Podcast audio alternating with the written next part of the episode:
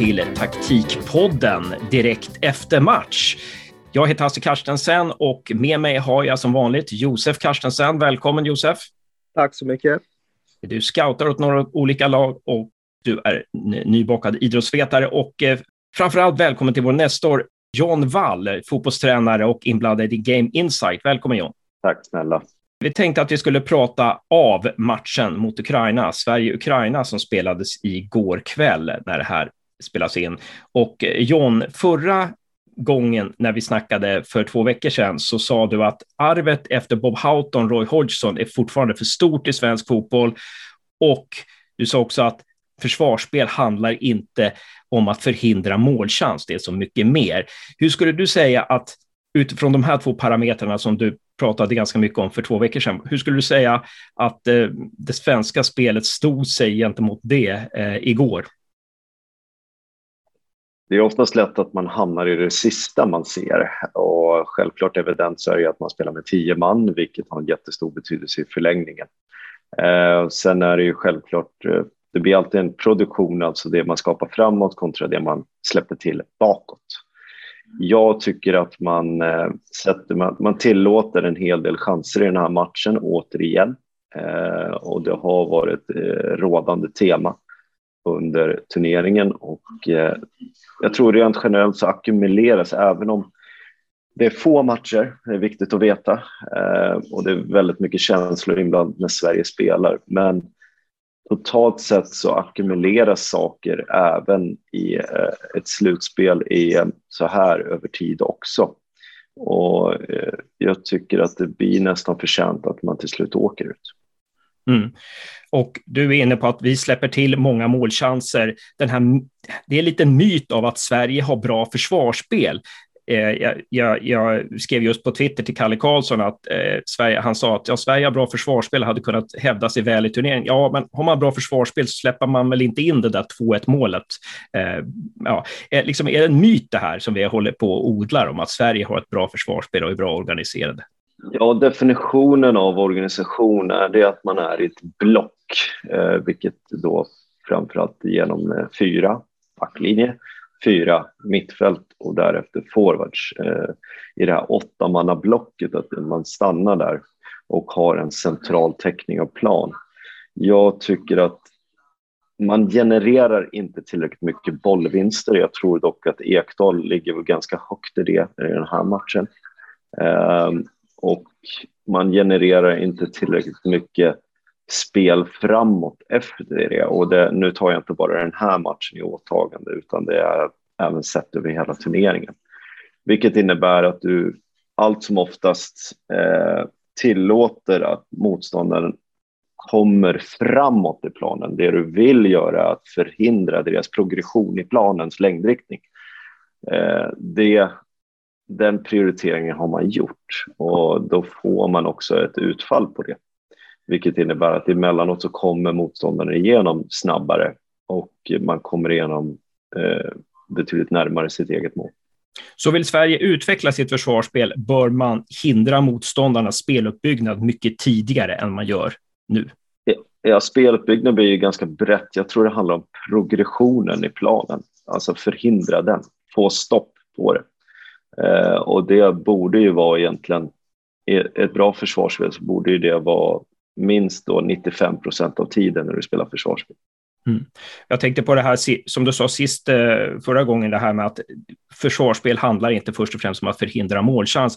Och det kändes redan i början i matchen mot Ukraina, eh, där Sverige är favoriter, där vi återigen när vi, när vi blir pressade, att vi bara tjongar iväg bollen fast, eller vi är inte så pressade i inledningen och ändå liksom är det, det första instinkten att tjonga iväg bollen, inte spela sig ur, eh, inte spela sig ur situationen. Nej, men det är väl en konsekvens och sen har ju vi målat, jag tror rent generellt så målar vi Sverige upp oss favoriter. Dels av eh, ett, Ukraina är tämligen okända för oss. Eh, Medan då kanske den medelspelaren i Ukraina skulle jag vilja lägga ut en tes är faktiskt bättre än de svenska spelarna. Eh, det, det och det är en väldigt så här västorienterad media som styr oss till att tro att vi är bättre och är favoriter. Och plus då att vi vinner gruppen. Men eh, sen är det också på vilket sätt vi vinner gruppen. Där tycker jag favoritskapet är skevt. Tillsammans också med, med prestationerna som vi har genomfört. Mm. På vilket sätt tycker du att vi vinner gruppen där? På ungefär, nu ska jag svårt att säga, men England vinner ju också sin grupp.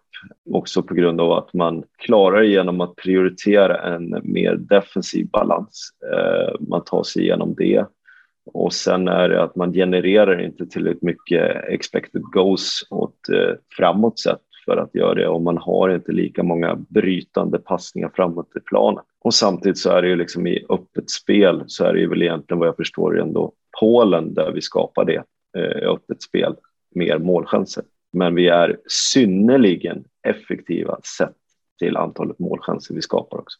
Ja, så att eh, med tanke på det, det antalet målchanser vi skapar så är det inte så konstigt att, att vi, vi åker till slut, eh, men, menar du. Och det är intressant att du kommer in på det här med gruppspelet, för det Josef pratar vi lite om eh, matchen, är att, att Sverige är bra i gruppspel. Det här svenska spelet passar bra i ligaspel, men när det gäller cup, alltså det är skillnad på cup och ligaspel. Vill du utveckla det Josef? Jag drog ju parallellen igår till att Jan Anderssons största merit var väl att vinna allsvenskan med IFK Norrköping eh, sen innan. Och det, var ju, det är ju att vinna en serie, det är att vara bäst över 30 matcher. Eh, Medan Andrei Shevchenko, om jag inte är helt fel, har väl minst en Champions League-titel. Och, eh, och har väl någonstans en, en annan förståelse för vad det är, för vad som gäller, alltså att vara bäst när det gäller, att vara bra i ett knockout eh, stage.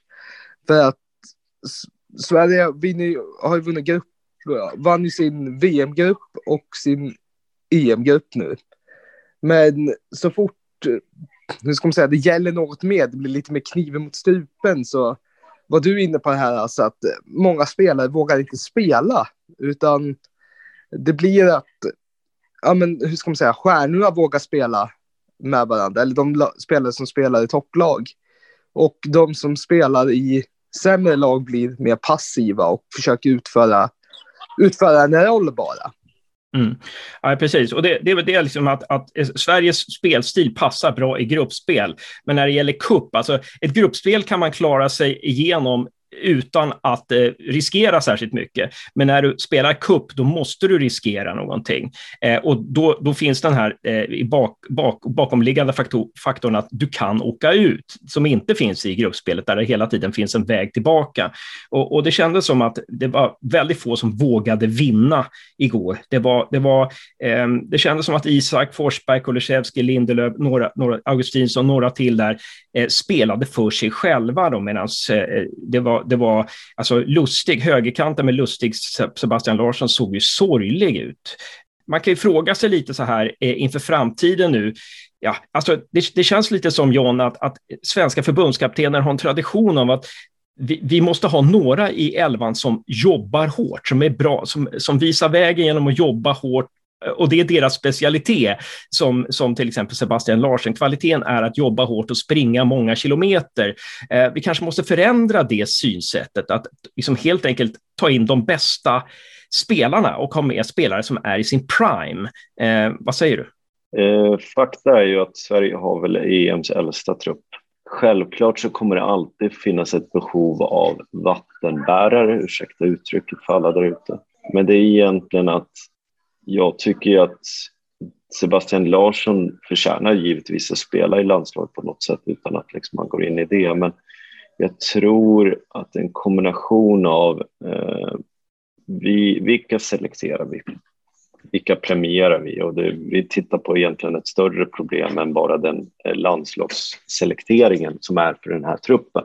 Utan det är genomgående i alla typer av fotbollsuttagningar och så vidare eh, i svensk fotboll. Vi tittar på ett större problem och vi har ett gyllene tillfälle att se det här som ett vägskäl eh, för svensk fotboll. Eh, vad står vi för och är vi villiga att betala priset på kort sikt än att bara göda den stora eh, kossan, eh, Svenska fotbollsförbundet, för att de ska ha sina pengar in i kassan. Eh, alltså gå till slutspel med herrlandslaget primärt, för det genererar väldigt mycket. och att klubbar ges ett större mandat att utveckla olika typer av spelare. Så att jag skulle vilja ha ett större makroperspektiv på Mm. Vi står i ett vägskäl. Det här blir sista frågan då, bara helt kort. Vi står i ett vägskäl och vägskälet är, ska vi våga satsa på de spelare som, som sticker ut, som har eh, störst talang, som har störst potential, som är i sin prime, eh, som är på väg uppåt, eller ska vi ta oss safea? Är det det som är vägskälet? Ja, men det är ju, vad är fotboll? Eh, jag vet att det är mycket pågående insatser eh, från förbundet tillsammans och de, de effekterna av det kommer vi inte se förrän om fem, tio år. Men det är egentligen vad är, vad kan vara vår största tillgång förutom luta på det som alltid har varit och vi gör som vi alltid har gjort. Och faktiskt eh, har utifrån en grundläggande filosofisk stor diskussion. Och faktiskt, vi har en stor tillgång här i Sverige. Och då kan vi ta det utifrån befolkningsmängd, 10 miljoner, men då tittar vi på Danmark som har 5 miljoner. Och där kan vi börja titta på skälen där. Där tycker jag att dansk landslagsfotboll har gynnats av den starka klubbidentiteten som har egentligen drivits fram. FC Midtjylland, Nordsjälland, FC Köpenhamn, Bröndby. Eh, de driver det och det har också de fått en payoff nu egentligen i form av väldigt bra spel. Ett, titta på den genomsnittliga debuten i allsvenskan åldersmässigt. Den är väl kring 23 va? Där, bara där är ett stort problem. Släpp fram, våga. Men dubiösa, svag eh, fotbollsjournalistik och var rädd om sin post eh, som många utsätts för på allsvensk nivå. Eh, jag tycker man borde vara starkare än så och bara köra över den, för den är i grund och botten väldigt svag fotbollsjournalistik utan vetskap om spelet överhuvudtaget. Tack John Wall. Det där var en stor eh, fråga som vi får komma tillbaka till. Grymma insikter du delade med dig av. Vi hoppas att eh, eh andra poddar lyssnar på det här eh, och eh, vågar ta upp tråden. Tack ska ni ha John Wall. Tack ska du ha Josef. Ha det bra. Tack så mycket. Tack. Ha det.